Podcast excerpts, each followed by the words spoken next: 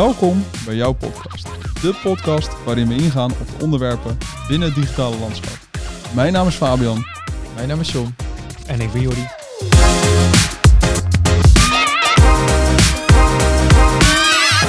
Leuk dat je weer luistert naar een nieuwe aflevering van jouw podcast. En vandaag gaan we wat verder in op eigenlijk eh, de rollen binnen eigenlijk een digitaal bureau. En een daarvan is eigenlijk de rol van Sean eh, vandaag. Sean is onze frontender. We dachten misschien wel eens goed om daar eens eigenlijk bij stil te staan van wat betekent nou eigenlijk een frontender? John, je eerste vraag gelijk. Ik denk niet dat heel veel mensen het weten ook. Wat? Wat een frontender precies doet. Nee, ja, ik denk dat voor heel veel mensen een developer is een developer. Ja, dat, dat hoor je wel vaker. Uh, binnen ons bureau hebben we natuurlijk een back-end developer en een front-end developer. Um, en ik ben dan verantwoordelijk voor de front-end. Dus dat houdt in dat je, je krijgt een design. Een designer maakt zo'n nou, soort visueel ontwerp. Uh, en de front-end gaat daarmee aan de slag en die vertaalt dan de code. Uh, en dan hebben we Elephant ook nog back-end developers. En die zorgen ervoor dat die code dan dus werkend wordt gemaakt. Dus dat de klant ook daadwerkelijk zelf dingen kan gaan doen met die website. Ja, dus jij bent van het, het visuele sausje. Als je dan, qua opleiding, zit er ook nog een heel groot verschil in tussen deze twee uh, disciplines? Ja, als je naar een backend uh, developer gaat kijken, dan heb je wel echt informatica nodig. Um, dan moet je gewoon een, een technische opleiding hebben gedaan. Uh, voor de front-end development kan je dus ook met een grafische opleiding ja, aanschuiven, zeg maar. Dus dan ga je denken aan CMD of ja. grafische vormgeving of noem het maar op. Ja, precies. En als we dan, want ik denk dat dit nog steeds voor heel veel mensen abracadabra is. Stel voor, je, je omschrijft jouw dag. Hoe, hoe ziet jouw dag er dan een beetje uit? Wat doe ja, je dan? Dat is toch een beetje nerd uh, achter de computer uh, naar codes kijken natuurlijk. nou, ja, is dat zo? Dat is, ja, vind dat ik is wel, wel zo. Alleen ja. heb ik op één scherm nog een design openstaan. Ja, oké. Okay, maar je bent, ik denk dat wel... Of is de frontender alleen maar bezig met code? Of is het ook degene die juist wel kan meedenken en... Snap je wat ik bedoel? Ja, echt, het, is, ja. het, is denk, het is meer dan alleen maar developen, dat bedoel ik. Ja, het is meer sparren en ook wel met design inchecken. Um, Ja. En toch een- ook een beetje in de, in de rol van de gebruiker moet je zitten, zeg maar. Ja, Dus hoe werkt het? Hoe ga je door een flow in van een website? En dat moet je allemaal wel rekening mee houden voordat je het maakt. ja is, dat, is dat wel een beetje wat elke frontender doet? Of, of is dat misschien meer een beetje wat wij af en toe verwachten van een frontender? Ik denk dat dat ook een beetje aan het bedrijf ligt. Bij Ja. ons is dat wel gewoon de flow waarin we werken. Je kan ook gewoon dedicated, eh ja, zeg, acht weken op één project zitten. Ja. En dan ben je misschien alleen maar met één pagina bezig. Ja, dat is natuurlijk wel weer de andere kant inderdaad. En als je dan... Ik ben toch een beetje zoekende misschien nog. Of Van als je natuurlijk kijk, als, als... Kijk, voor ons... Ik weet een beetje wat een frontender doet. Laat ik het even zo zeggen. Maar voor mij is natuurlijk code is code. Dus ik denk nog steeds... Nou ja, de ene is abracadabra als ik er naar kijk. En de andere is abracadabra als Ja. ik er naar kijk. Ehm, maar wat je zegt is natuurlijk denk ik wel een punt. Want je bent wel meer bezig met de, de bezoekersflow... in plaats van de beheerbaarheid van, van de oplossing. Om het even Ja. zo te zeggen. Als je dan vooraf misschien in zo'n traject kijkt, zijn er dan dingen die je per se moet weten? Of waarvan je zegt, nou, als je als frontender eigenlijk het verschil zou willen maken in je vakgebied, probeer dan hier eens mee bezig te zijn. Zijn daar nog dingen waarvan je zegt, dit doe ik wel om, om het verschil te maken? Ja, dat is een beetje lastig te bepalen, want ehm, dan gaan we misschien nog de diepte in. Maar Ja. voor frontend heb je, ehm, je hebt meer de visuele frontenders, maar je hebt ook de technische frontenders. Ehm wat wij hier doen is heel visueel, eh, omdat wij een backend afdeling hier hebben zitten. Eh, maar je ziet dat er ook een technische afdeling heel erg upcoming is, zeg maar, de laatste jaren. Ehm, wat je bij het technische stuk doet, is dat je heel veel codes echt aan het schrijven bent. Eh, dus heel veel op de logica gaat zitten. Ehm, en de visuele frontenders die zijn echt bezig met de manier van kleuren, de manier van animaties, de manier van overgangen.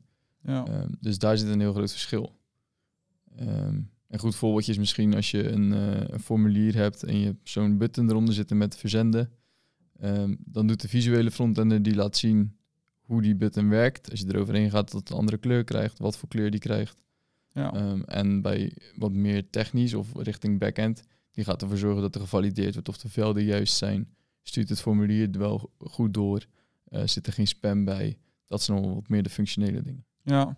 ja, precies. En is dan ook nog voor jou wel van, daar ben ik dan ook wel benieuwd want kijk, Jordi is natuurlijk heel erg bezig met, eh, vanuit de strategie, waar we het de vorige keer over gehad hebben, vanuit de persona, dus vanuit de behoeften van die bezoeker, hè, van de eindklant, om het even zo te zeggen. van oké, hoe gaan we die naar het juiste doel bereiken? Ben je daar dan ook nog heel bewust mee bezig? Dat je zegt, nou, we kunnen juist misschien wel dit soort interacties, animaties toevoegen op dit soort plekken om juist aan te sluiten op die doelen? Ja, met Jordi check ik al wel wat vaker in ook. Zelfs in de strategiefase is dat al. Ehm, en dan na Jordi gaat in principe pas naar een designer. En dan Ja. check ik nog met de designer in.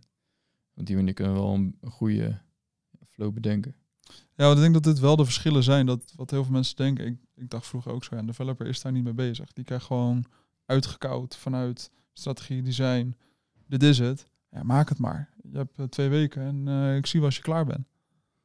Ja, ik denk dat dat ook een beetje de omvang van het bedrijf is. Ja, Ik denk wel echt dat er bedrijven zijn die ook zo werken, omdat gewoon opdrachten van, eh, weet ik veel, een paar maanden is en eh, waar ook echt twintig developers op zitten, dan krijgt iedereen gewoon zijn eigen taakje en gaat dat doen. ja, ik denk dat het inderdaad wel wat je zegt. Bij grote bedrijven zou je wat meer hebben.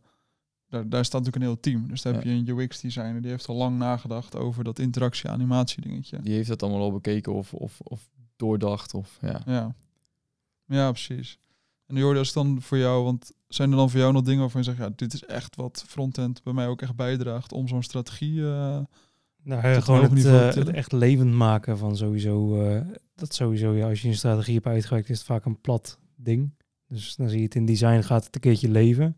En bij frontend gaat het helemaal leven. Dan zie je, dan kan je er eigenlijk al doorheen klikken, de animaties toevoegen, de effecten bijvoorbeeld. Als je met je muis eroverheen gaat. En dan ga je ook pas zien wat die interacties teweeg brengen binnen zo'n eh, binnen zo'n site eigenlijk. Dan kan je ook weer zien, oh, als je door die site heen scrolt, te komen wat eh, blokken wat sneller omhoog bijvoorbeeld. Of dat je daarmee al heel snel die interactie uitlokt.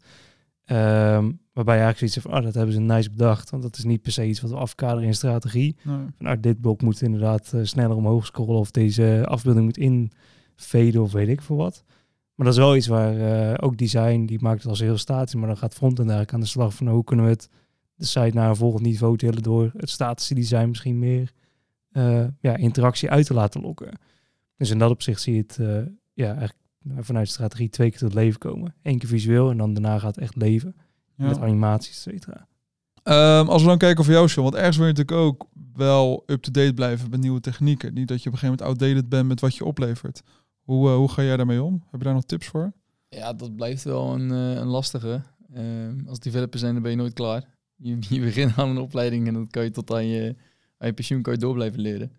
Eh, en dat is gewoon puur omdat die codes allemaal zo snel gaan. Eh, programmeertalen die vernieuwen, browsers die vernieuwen. Ehm, we hadden eerst nog een, een Internet Explorer, die is er inmiddels ook al niet meer. Dus voor de mensen die, luisteren en dat nog kennen, dat is sinds vorig jaar ook over. Ehm, en zo zie je dat alles gewoon mega snel gaat. Dus je moet gewoon blijven lezen, blijven, ja, blijven zoeken naar nieuwe dingen. Zit er een groot gat tussen wat je op school hebt geleerd en toen je de praktijk in ging? Als je eh, terugkijkt. Dat is voor mij sowieso een beetje een lastig verhaal, want ik heb dus de technische opleiding gedaan. Eh, dus ik kom van de informatica opleiding en dat is dus eigenlijk voor wat meer back-end eh, georiënteerde ja, banen, zeg maar. Dus ik zou wat eerder naar een eh, systeembeheerder, naar een bank, naar een corporate, naar een, ja, noem het allemaal maar op, is kunnen ook gaan. niet helemaal gelukt dan. Eh, dat is niet helemaal gelukt. nu zit ik hier. Eh, dus ik had beter eh, ja, grafisch vormgeven of zo kunnen doen als, als opleiding. Nou, maar merkt je verschil? Ik denk dat best wel veel mensen dit wel, dat je twijfelt misschien van, hé, school, toch een beetje loopt het niet achter. En als je dan natuurlijk in één keer, we hebben het verleden natuurlijk ook wel eens gehad, in één keer in een bedrijf losgelaten wordt, dat je in één keer denkt, holy hell, is dit het niveau? Ik wist niet dat het al, snap je? Dat, ik denk dat ja, veel zeker. starters dit wel hebben. Ja, nee, dat is het ook wel. En eh, ja, wat je bij zo'n opleiding krijgt, is dat je echt gewoon puur de basis uitgelegd krijgt in één bepaalde programmeertaal. Ehm, en er zijn er heel veel verschillende soorten talen, maar er zijn ook een hoop talen die dan wel op elkaar lijken. Ehm, dus als je de grammatica van eh, Nederlands kent, dan eh, ken je waarschijnlijk ook wel een beetje Duits. Ja, Ehm, maar als je dan naar Frans gaat kijken, dan snap je er helemaal niks meer van. En zo moet je dat een beetje zien, dat sommige talen wel echt op elkaar lijken en sommige talen gewoon compleet anders zijn. ja.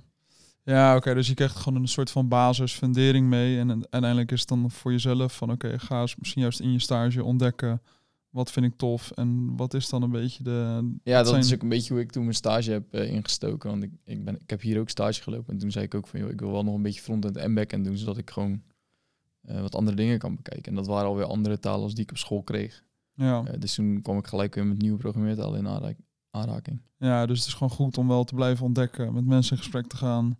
Online af en toe een keer een cursusje volgen en... eh, Ja, je hebt genoeg van die online cursusjes, die, eh, gewoon van die courses die je even kan doen. Ehm, bepaalde frameworks die je kan volgen. Ehm, je hebt, eh, iedereen kent de nieuwe, de nieuwe pagina's van de iPhone of van een mooie BMW die eruit komt. Check ze vooral eens en check ook wat erachter zit, want daar zit echt hele vette shit achter. Ja, zijn dat de jongens die de trend zetten? Dus Zijn dat de, de, echt, de, de grote jongens die uiteindelijk een beetje bepalen misschien wat gemiddelde corporate over, eh, over vijf jaar doet? Vijf jaar Ja. is misschien heel ver weg, maar Ik weet niet of, of een corporate dat, dat moet willen ook. Ehm, wat ze bij zulke bedrijven doen, is dat ze heel erg op de beleving gaan zitten. Dus de hele beleving rond de iPhone. Want ja, een iPhone aan zich, iedereen weet wat een iPhone is en de meesten willen het toch wel. ja. Eh, maar het gaat dan puur om die merkbeleving die je dan wil, wil maken. Ja, toch, ja, ik ben wel benieuwd. Maar misschien eens een keer voor een leuke andere podcast. Maar toch wat... Kijk, er zijn natuurlijk echt wel grote jongens die de trends zetten. Waar, wat je zegt, jij kijkt ernaar. Ik kijk er ook naar. Ik denk, ja, gaaf als we dit een keer kunnen bouwen. Ja, Maar absoluut. ik denk dat ook, en ik weet ook wel dat er bepaalde eh, marketeers zijn die denken, ja, als ik dit ga doen, dan wil ik iets doen waar ik zelf tien keer beter van word. Ja. Misschien is dit dan wel eh, ja, een soort van trendidee waar mensen toch naar kijken.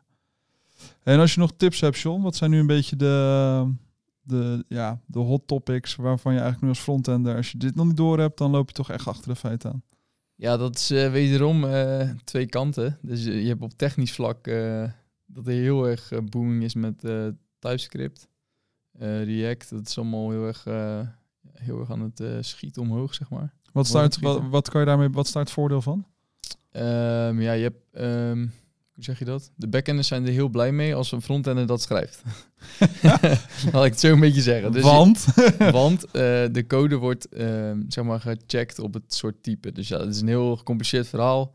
Eh, maar TypeScript zegt het dus al. Je schrijft dus script eh, aan de hand van types. Dus als ik zeg naam Fabian, dan noemen we dan een string. En dan heeft hij dus al gecheckt. Het is een string. ja, dan kan oké. het dus niet meer fout gaan dat je daar bijvoorbeeld een nummer van maakt. Om het even heel simpel uit te leggen. Ehm, maar dat betekent dus dat je code in de basis veel netter is en veel ehm, ja, minder snel kapot kan gaan, zeg maar. Ja, kan je ook wel zeggen dat het wat meer dat één, dat iedereen eigenlijk meer op één lijn code oplevert, dus dat het wat consistenter wordt? Of jij Ja, dat doet of En dat Plus dat backenders dit ook wel eens schrijven. Ehm, dus je gaat een beetje een soort van menging krijgen van front en backend. ja. Waardoor je dus wat meer technischere frontenders kan, ja, kan, kan aan, eh, aansporen, zeg maar. ja. Ehm, de andere kant daarvan is dus het, het visuele stukje. En dan merk je dat de laatste tijd heel veel op animatiegebied gebeurt. Ehm, bijvoorbeeld die iPhone waar ik net over sprak. Dat zijn animaties, dat, dat gaat helemaal nergens over. De, er zitten uren aan tijd in als je dat ziet. Eh, maar het is heel vet. Je gaat gewoon echt door een hele beleving heen. Ehm, dus het zijn niet meer die platte sites die, eh, die je vroeger had. Nee. Nou, helder. Ja. Je kan eh, nog frontender worden. Ja, ik denk dat ik de ongeduldig voor word. ik denk niet dat, dat mensen dat willen. Ik zou het denk ik echt nog wel... Ik zou echt nog wel iets meer willen leren van het van front-end stuk, maar ik, ik zou dat niet kunnen. Ik zou daar niet... eh, Ja, kijk, frontender worden is niet zo moeilijk. Dat ga ik je eerlijk zeggen. Maar een goede frontender worden, dat is wel moeilijk. Nou, je moet, wel na, je moet wel logisch blijven nadenken. Ik denk dat dat de uitdaging is. Je moet altijd, ik denk, twee, drie stappen vooruit blijven denken. Ja. En ik denk dat dat echt wel voor een hoop heel moeilijk is. Want wat is dan die volgende stap? Van, ja, maar dit is toch wat er opgeleverd wordt. Dus dan ga ik dat toch maken.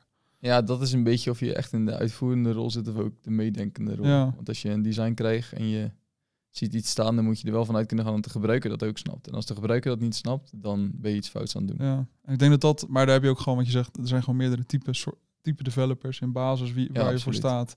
En hoe je in een project wil zitten. Dus ik denk dat dat ook eh, heel logisch is.